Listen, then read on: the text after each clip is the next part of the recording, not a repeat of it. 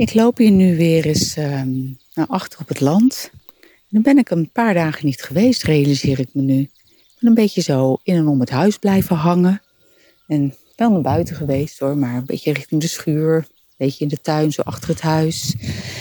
En ehm, het leuke van weer even hier niet zijn geweest, is dat er weer zoveel veranderd is. Ik sta hier nu bij echt een joekel van een distel. Prachtig staat hij in bloei. Onder de hommels en de bijen. Schitterend, echt schitterend.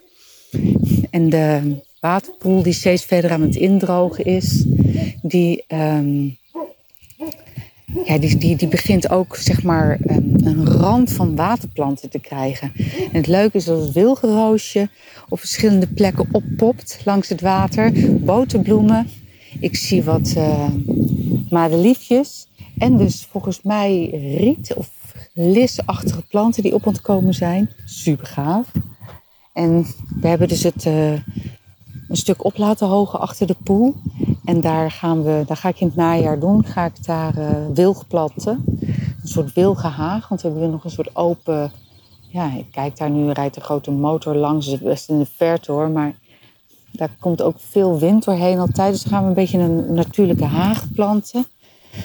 Oh, lekker om hier zo weer te lopen, zeg. Oh, kikken. Ik zet een stap in het gras. En dan springen zo, nou, 10, 15 sprinkhanen voor me weg. Nog een keer. Wauw. Hoepla. Ken dat nog van mij erbij? Hoe heette die ook weer, die sprinkhaan? Woepla, zei die altijd. Nou, dat springt hier dus nu ook rond. In het gras. Ik loop nog een klein stukje verder naar achteren. Oh, er is ook wel... Er zijn wel wat bomen en aangeplante boompjes gesneuveld hoor, met de droogte. Ik heb ook niet echt alles water gegeven. Nou, het komt zoals het komt.